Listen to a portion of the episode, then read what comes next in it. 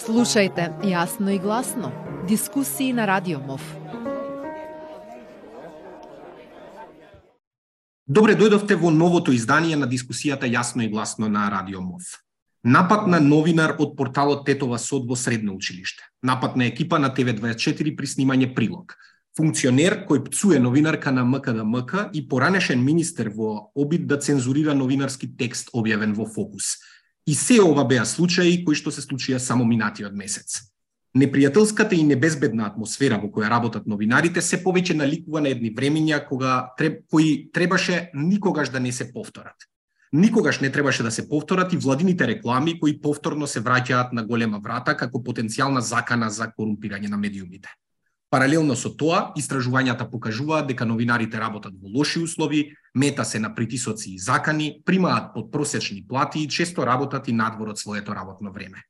За тоа во каква состојба се наоѓа седмата сила во Македонија и колку на вистина се слободни медиумите, во следниот половина час ќе разговараме со Билјана Петковска од Македонскиот институт за медиуми, Драган Секуловски од Сдруженијето на новинари на Македонија и Дарко Дуридански од самостојниот синдикат на новинарите и медиумските работници. Ви благодарам на сите што прифативте покана да бидете дел од оваа дискусија. А, Билјана, би сакал да започнам со, со тебе. Колку е алармантна оваа состојба во која речи си еве не поминува ниту една недела да не добиеме информација за некој нов напад, физички, вербален врз новинар?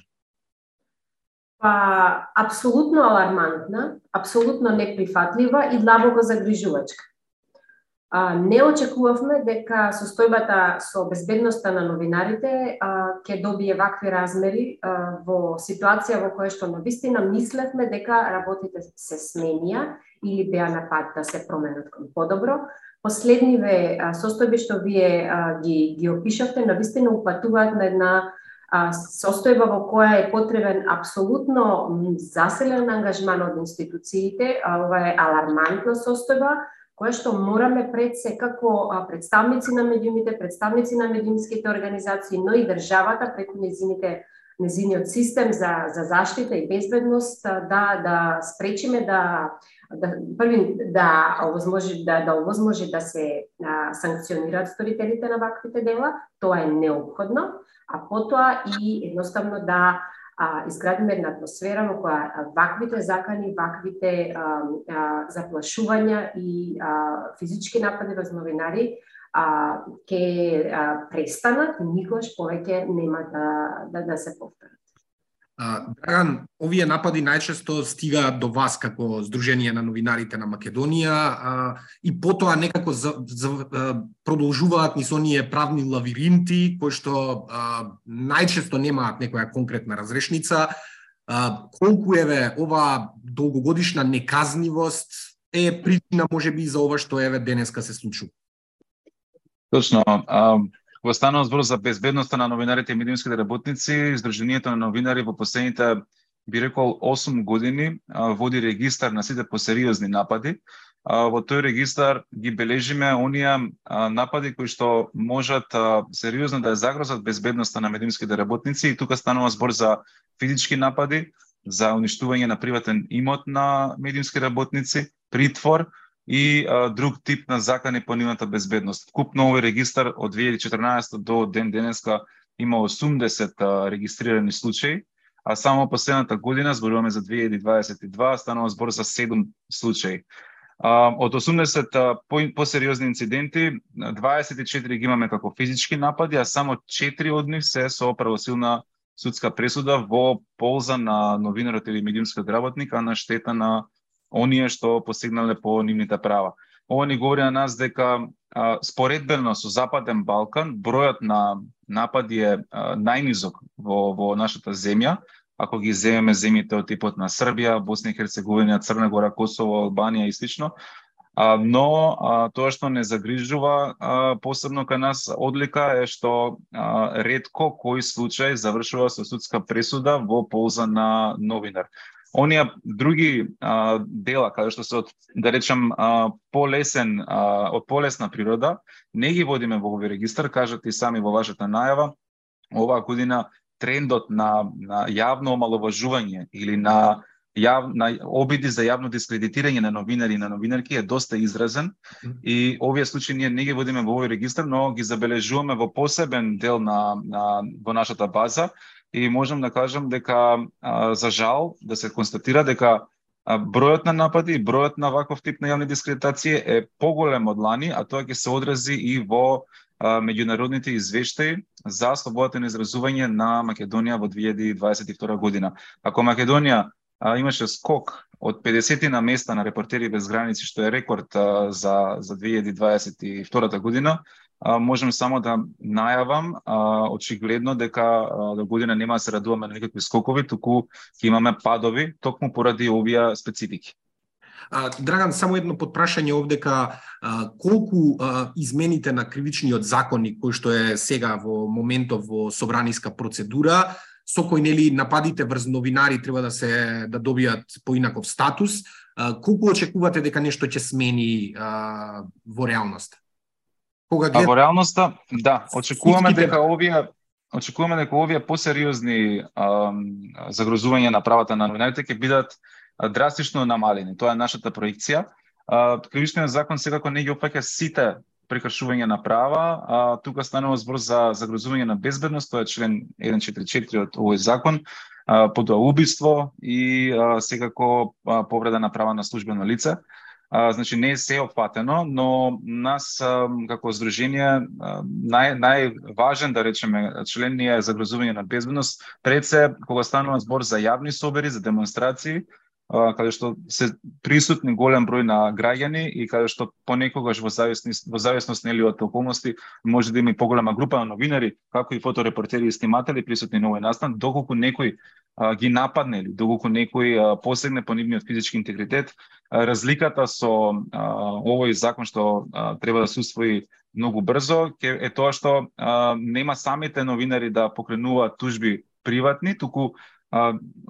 основното јавно обвинителство ќе има обврска предвидена со овој закон да покренува постапки по службена постапка и исто така казните затвор што ќе бидат наменети за престапниците кои што ги повредуваат правата на новинари ќе бидат поголеми во број на години затвор. Ова има и некој тип на превентивна мерка и на едукативна би рекол ако можам така да се изразам, затоа што знаете како кога луѓето ќе знаат дека удирање на новинар на протест или на улица затоа што се ја врши својата работа е кривично дело и дека за таков тип на напад ќе се иде во затвор, мислам нека два пати ќе се запрашаат дали ќе посегнат по по по тој тип на напад или може би ќе бидат на еден начин потолерантни. Така да останува да видиме овој концепт за кој што се залагавме во последниве три години заедно со со новинарскиот синдикат не е нов на ниво на Западен Балкан. Ние први го започнавме како земја уште во 2000 би рекол 18 година колегите од Црна Гора лани во декември во тие го усвоја овој закон, сега веќе практично десетина месеци е стапен на сила и има одредени потешкоти во имплементацијата затоа што не е само да се донесе законот и ние да славиме, туку напротив ќе имаме уште многу работа да се осврнеме на мониторинг или на следење на тие судски постапки, да се да се осигураме дека истите се во согласно со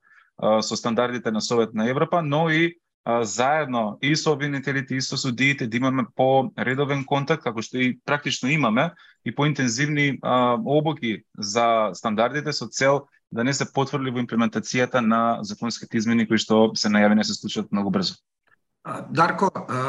Синдикатот на почетоков на годинава објави анализа за безбедноста и социоекономската состојба во македонските медиуми, во кој беа анкетирани 355 335 новинари и медиумски работници. Во неа можеа да се најдат некои навистина алармантни податоци, а токму на оваа тема за безбедноста на новинарите може да се истакне дека повеќе од третина од новинарите на анкетата изјавиле дека добиваат некакви закани, а речи си из процент изјавиле дека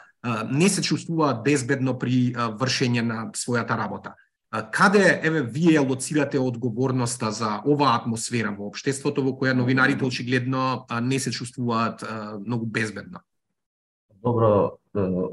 повеќе фактори влијаат врз тоа.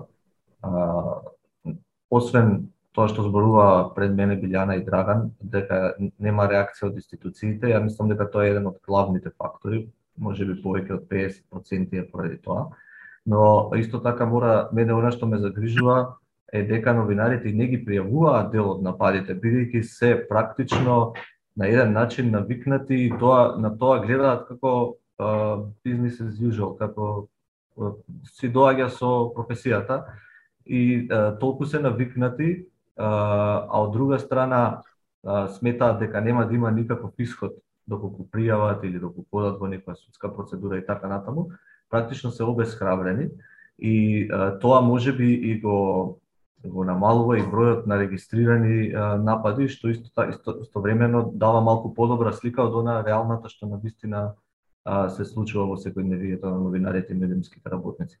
А, така што а, сметам дека евентуалното носење на на евентуалното мислам би требало сигурно да биде конечно после година и пол усвоен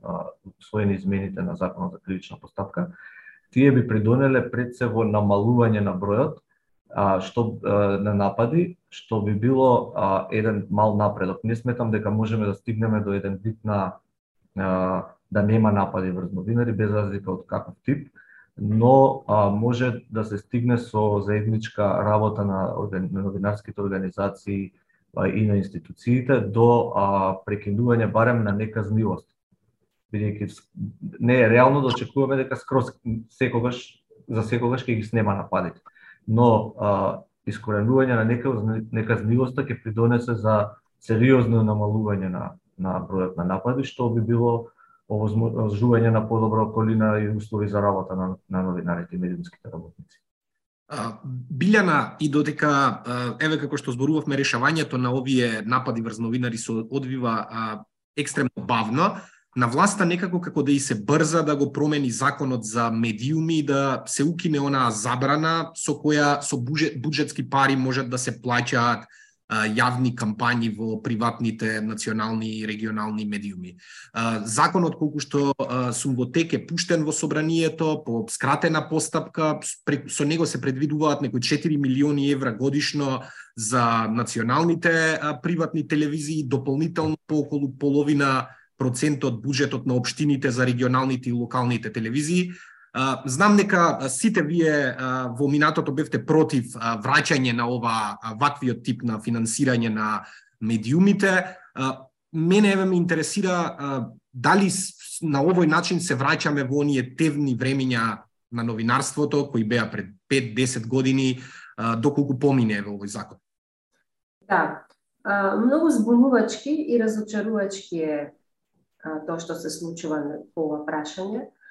а, нашите позиции и на мене и на другите медиумски организации се принципиелни и се темелат на европски стандарди во оваа сфера, а се темелат и на искуство кое го имаме од предходните години, кога имаше слични а, практики, кога беше ВМРО ДПМН е а, на власт. А, би рекла дека самиот, самиот процес на подготовка и поднесување на тој предлог за измени на законот за а, а, аудио и аудиовизуелни медиумски услуги е крајно проблематичен, бидејќи е нетранспарентен, направен во четири очи, веројатно, или во, во, со, со импут на една мала група на луѓе кои што имаат директен интерес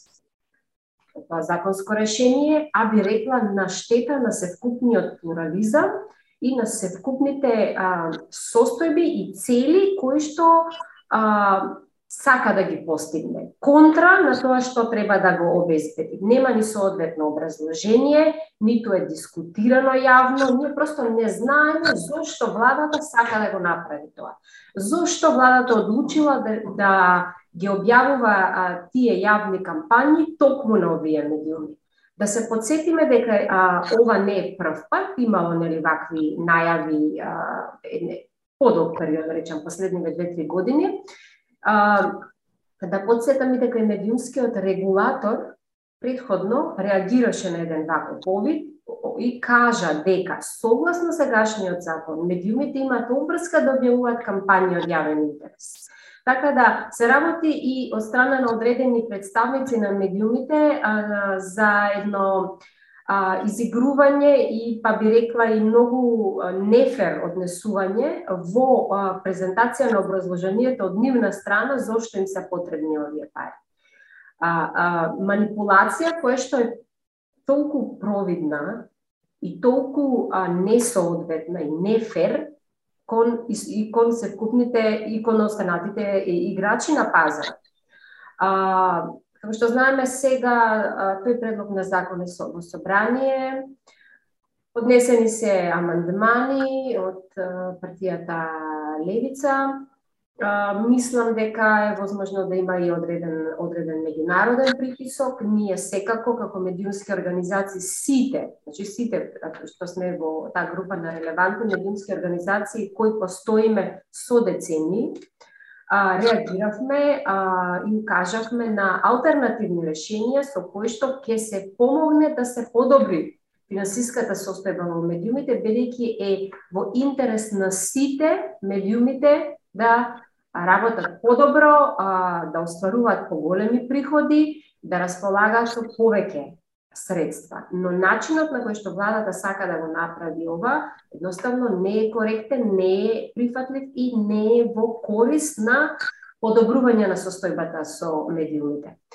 А, јас се надевам дека тоа нема да се случи, се надевам дека ќе превладе а, разумот, но не би била изненадена и доколку на некој краток, некој краток рок дојде до усвојување, а потоа може би според одредени предвидувања и повторно да се да, да се направат одредени измени од откако да речам први трансакции ќе бидат направени и тоа би било навистина многу многу лошо и погубно погубно за сите. Еве баш Драган би сакал да да го прашам да се надоврземе на ова што доколку а, се донесе овој закон, што ќе прави еве Сдруженијето на новинари на Македонија, не знам, дали ќе повикате на некакво незадоволство, на некакви протести, на некаков револт да се покаже ако се донесе овој закон? Микрофонот. А, мјутнати сте. Да, се извинувам. Велам, ја следиме темата одблиску, во разговор сме и со останатите издруженија на граѓани. Добро е што Сдруженијето на локални и регионални а, телевизии и радија апсолутно е против овој концепт. И тука солидарноста а, се проширува, значи не е само дека снавските новинарски здруженија и институтот се не на една страна, туку гледаме дека веќе и здруженија во кои што членуваат медиуми сваќаат дека ова не е добар концепт и не е одржлив и дека директно ќе влијае во нивната трудовачка политика. А, тоа што а, можеме да го направиме како во брза а, како брза реакција ако воопшто се усвои овој закон, зашто јас искрено сум скептик, е дека а, мислам дека има најмалку три основи да се даде истиот а, а, на уставен суд бидејќи во некои делови сметаме дека се коси со принципите на нашиот устав. Знаете, не може вие да давате наредба на а, на, на општини кои што треба да се автономни сами по себе да одвојуваат дел од својот буџет да финансираат медиуми, каде што а, замислете локални советници од општините ќе кажуваат што е кампања од јавен интерес, а, а што не. Малку е дрско да речам дека пратеници и локални советници да се стават во ситуација да тие да диктираат јавен интерес. Значи јавниот интерес може да, да го диктираат исклучиво граѓаните и да, нормално новинарите кога кога тие известуваат а, за теми од јавен интерес. Но не гледам како е тоа можно да биде правено страна на политичари. И исто така, а, доколку се укаже потреба, апсолутно протест или а, јавно искажување на револт се секогаш едни од механизмите кои што често ги практицираме и останува да видиме во која насока ќе се движат работите. А јас а, гледам дека има и разум а, во а, нашиот во нашето собрание, значи не сите го поддржуваат овој концепт. Од нашите разговори гледаме дека нема единство кога станува збор за давање на јавни пари во приватни медиуми и тоа е нешто што се забележува и дека законот иако беше за побрза постапка се уште а, не е закажан на седница за за гласање и тоа ни дава на нас простор да понудиме а, алтернативни решенија. Значи, знаете, медиумите не може да бидат оставени сами на себе во, во оваков тип на, на, на ситуација. Потребно е да се измисли некој, да се смисли некој механизам кој што ќе може неселективно да се даде подршка не на медиумите, туку на а, оние луѓе што работат во медиумите, тоа се новинарите и медиумските работници, со цел да креираат содржина што ќе биде од интерес на јавноста. Ние имаме искуство дека овие кампањи не секогаш биле од интерес на јавноста и а, ветувањето дека нема да се повтори грешката единствено не е добар аргумент да се прифати како таков. И затоа велиме не за овој концепт, меѓутоа факт е дека потребно е да се потикне а, квалитетна медиумска содржина, ајде да разговараме како тоа може да го направиме. Здруженијето на новинари, па и останатите медиумски организации веќе би рекол подолг период разговараме за креирање на одреден фонд за поддршка на професионални медиумски содржини. Јас анализирајќи ситуацијата во другите земји пред се членките на ЕУ, гледам дека таков тип на механизми постојат. Потребно е да се разговара, да се отвори јавна дебата, каде што ќе се преземе добра пракса од ЕУ членка и ќе може да се прилагоди на нашиот локален контекст, каде што со тие средства нема да се наградат собствениците на медиумите, ќе се наградат работниците, а најмногу од се бенефит потребно да имаат граѓаните преку квалитетна медиумска содржина. Еве кога сме кога сме кај работниците во медиуми Дарко, а, повторно ќе позаимам една еден дел од а, она истражување на ССНМ, она анализа. А, а, коментарот во анализата вели се додека платите се ниски, работното време не одредено, а преку времената работа не платена, квалитетните новинари ќе си заминуваат, а на нивно место ќе доаѓаат во наводници деца за пополнување место. Ова анкета која што ја спроведовте покажа дека 70, 73% од анкетираните новинари примаат подпросечна плата, а дури, дури третина од новинарите земаат плата под 20.000 денари. Колку, еве, Дарко, ова е причина за состојбата во која се наоѓа македонското новинарство, која мора да признаеме е далеку од розова. Па тоа е едно, ако не е најглавна, е едно од трите најглавни а, причини, бидејќи не може да има професионално, објективно, високо квалитетно новинарство и известување ако нема социоекономска стабилност на оној кој што тоа го работи. А, тоа истражување покажа а, дека всушност во, во одредени медиуми каде што а, платите се, да, така да ги наречеме, по-ниски, а, дали се околу 20.000, дали се подпросечни, е, е очигледен во, во заграда не квалитетот, за разлика од некои други а, помали медиуми а, кои што а, се постабилни на некој начин, имаат подобри плати а, и услови за работа, не само плати, а, новинарството и она што произлегува од работата на новинарите и медиумските работници таму е забележително поквалитетно. Значи, таа врска помеѓу примањата и, или приходите на новинарите и нивната, нивниот производ, односно начинот на кој што да ја известуваат јавноста, е најважна во тој процес на а, зачувување на или а, како се вика одбрана на јавниот интерес на на граѓаните. Значи без тие две работи не може да се надеваме на подобрување на,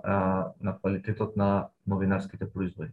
И тука сега би се надоврзал на предходното и Дравен што го што спомна и Билјана, кој што се однесува на на рекламирањето, односно дали е тоа рекламирање, не знам, ама е нешто слично на рекламирање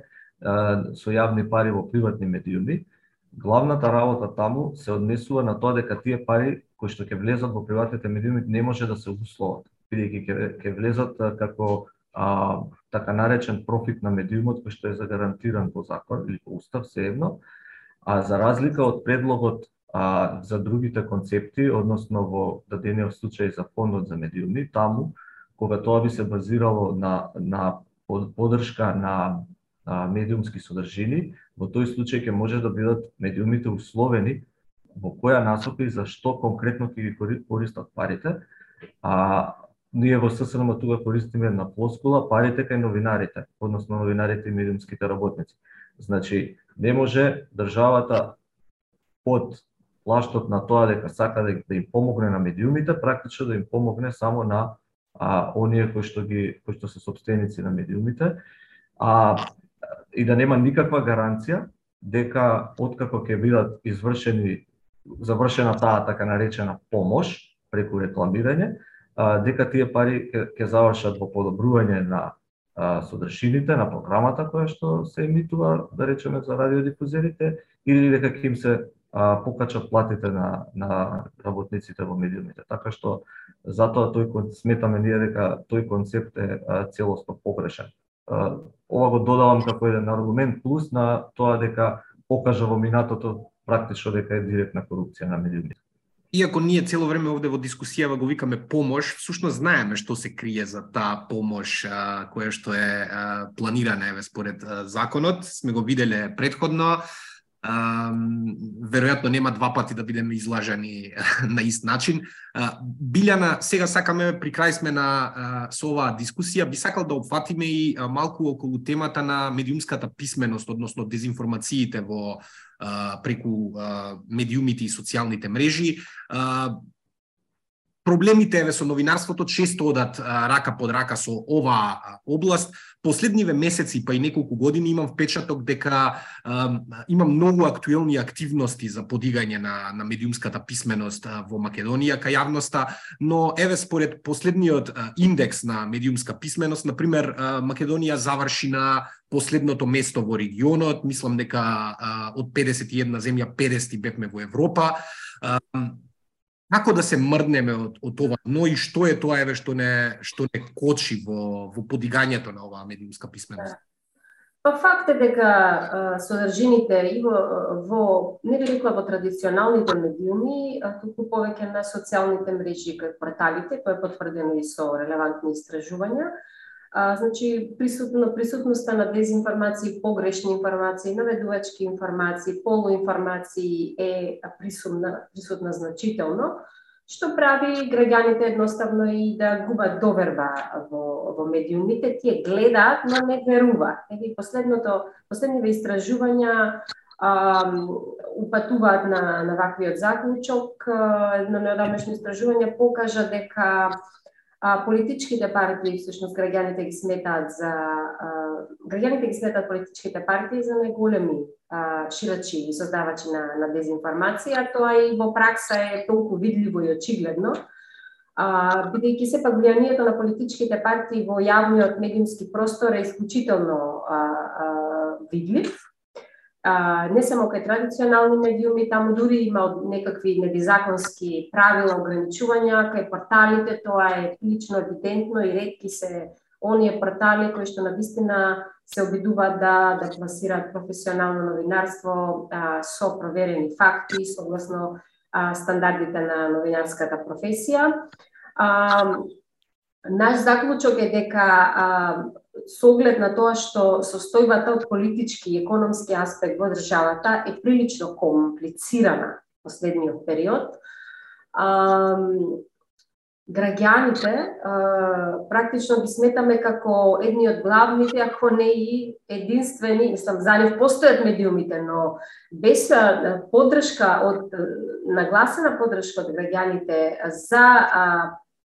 подобрување на состојбите во новинарството, за потрешка на новинарите, храбро и решително да известуваат за случаи на корупција, за случаи на злоупотреба на позиции, на средства и така натаму, а, едноставно новинарската професија која што и така се наоѓа во една исклучително тешка состојба, не може да обстане и да ја остварува улогата и функцијата која што ја има во општеството а, значи без медиумска писменост граѓаните не можат да го препознаат доброто новинарство, не можат да ја а, да научат што е тоа новинарство, зошто е важно, како како функционира и така натаму и соодветно да го дадат својот придонес во заштитата а, на, новинар, на новинарите и на новинарството. Ние, но и многу други организации, сме прилично активни во оваа сфера веќе подолго време. Еден од нашите најголеми и најмасовни запати е воведувањето на медиумската писменост во наставата во формалното образование, што го работиме веќе втора година заедно со партнери од, од Америка, Илекс и партнери од Земјава, МОВ,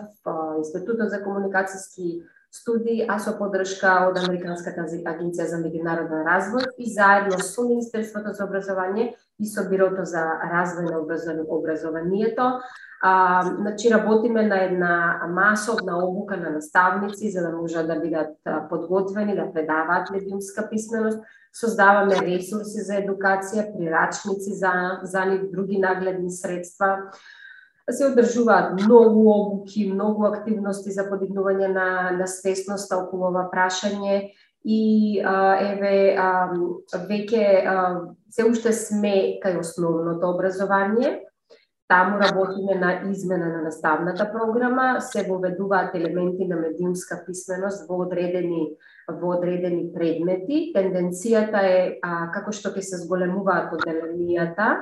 каде што се воведува медиумска писменост, така и да се шири и обсегот, опфатот на предмети во кои што ќе биде застапена оваа содржина, затоа што крајната цел за одреден период е всушност медиумската писменост да биде пристап во образовниот процес, заедно со а, заселувањето на напорите за потикнување на критичко критичко мислење а, меѓу, меѓу учениците. Тоа е нешто што значително недостасува и може да, да подобри квалитетот на образованието во нашата земја. А, Драган, Дарко, на самиот крај сме на емисијата, па еве би сакал до, до вас двајцата еден краток коментар за тоа што а, еве новинарските здруженија и а, како што е ЗНМ и како што е ССНМ можат да направат за оние дезинформации кои вирално се шират на социјалните мрежи. Знаеме дека во во земјава постојат инструменти како граѓаните можат да се пожалат а, а, на одредени новинарски текстови за кои што мислат дека се непрофеси, непрофесионални нанесуваат штета на јавноста, но тоа секогаш е ретроактивно, односно белјата што се вели е веќе направена. Постои ли, не знам, едно разми, некое размислување да се вклучите малку поактивно, можеби во координација со социјалните мрежи сами, во следење, во мониторинг на тоа што се случува кога некои вести стануваат вирални, бидејќи да бидеме реални, тие го прават најголемиот проблем на на социјалните мрежи и го прават за неколку часа, потоа веќе е доцна и да се реагира. Ме интересира Драган и Дарко со, со вашите ставови. Во саботата имавме изборно собрание, а, предпоставам сите, сите знаете, беа присутни околу 500 новинари и медиумски работници, тоа е убедливо најголемиот настан од овој карактер на Балкона што се има случено. На овој настан се избра и новиот состав на Советот на честа. А, сакам да искористам оваа прилика да апелирам до, до сите граѓани кои што имаат а, проблем со одредено новинарско известување, кои што сметаат дека известувањето не е во согласно со етичките стандарди, да достават представка до Сдруженијето на новинарите, а не чини пари, потребни се 2-3 минути се поднесе истата, каде што колегите од Советот на честа ќе направат проверка и доколку на вистина е прекршен кодексот на новинари, тие јавно ќе го осудат тоа неетично однесување. Ова е еден механизам дали е доволен со во борба на спречување на дезинформации, секако дека не, меѓутоа ова е една од нашата мисија и визија да го потикнеме професионалното новинарско а, известување. Во контекст на социјалните мрежи, а, тука ќе кажам дека доколку лицата смета дека има прекршување на правата на граѓаните, значи тоа е малку посериозно од обична дезинформација, потребно е да се користат законските алатки, односно законските инструменти, Здружението на Новира Македонија предпоставувам се уште е единствената организација во државата која што доби пресуда а, во наша корист поради закана на на Facebook тоа од декември 2021 година. Значи постои и судска пракса за клевета на Facebook изнесена и она би рекол илузија дека се што ќе се пише на социјална мрежа останува неказнето, еве ние го демантираме тоа, значи слободата на говор да е, е право кој што треба да го цениме, да го негуваме, меѓутоа злоупотребата на, на слободата на изразување носи одговорност. И таа одговорност не е само во традиционалните медиуми, таа одговорност треба да се да се запази и на социјалните мрежи. А, затоа ќе повикам а, доколку има а, некој било кој граѓанин што смета дека е не, дека е незадоволен од новинарско известување да се обрати кај нас со представка, а ние остануваме понатаму активни во доменот на нашата надежност да работиме за промоција на етичко новинарство. Благодарам, Даниел. Дарко? Некои идеи во во ССНМ околу борбата со а, а, некои информации? по, порадикални идеи а, до сега не сме смислиле. Значи, а, секако ја подржуваме само регулацијата како еден од механизмите, кој што, иако може би личи во овој момент дека не е а, премногу ефикасна, сепак тоа е еден од воспоставени механизми не само кај нас, туку и во други земји и а, веројатно треба да биде само малку поактивна, по да, не, да речеме построга таа само регулација, но тоа е она што се однесува за етичкото и професионалното известување на новинарите или на медиумите. А, и тоа на некој начин и, и може да се работи, да се ограничи, да се намалат штетите и така натаму. А што се однесува до социјалните мрежи, а, сметам дека сега никаде никој не се снашал со тоа, а, да го да го намали барем, но а, од друга страна медиумската писменост за која што збореше Белја, зборуваше Белјана предходно, веројатно после неколку генерации, доколку правилно се спроведува низ образованието и така натаму, може да придонесе за а, влијанието на, на социјалните мрежи и информациите таму што се што се вртат, што се објавуваат и така натаму. Бидејќи социјалните мрежи се едноставно еден вид на форум кој што практично не може никој да го контролира без разлика на сите механизми што моментално постојат и на Facebook и на Twitter, то душе сега Twitter со Елон Маск другачие веќе функционира да. а, и на другите социјални мрежи. Така што е, сметам дека тука ние како синдикати или другите организации за и МИМ не можеме премногу да направиме во тоа, бидејќи тоа е еден таков слободен форум, а, кој што тешко може да се да се контролира. А, секако за намалување на, на штетите, се тоа што го спомена, спомена Драган, институциите да реагираат кога има говор на омраза, кога има одредени информации кои што предизвикуваат поголема штета во општеството и така натаму, кога би реагирале, би, би имало само едно намалување кое што секако не треба да се а, треба да сметаме и на тоа да не го да не намалуваме важност и значајност на тоа. Ви благодарам на, на сите за одвоеното време за оваа дискусија. На гледачите им посакувам а, добро расположение и а, се гледаме во некоја следна епизода на дискусијата Јасно и гласно на Радио Поздрав! Слушајте Јасно и гласно. Дискусии на Радио МОВ.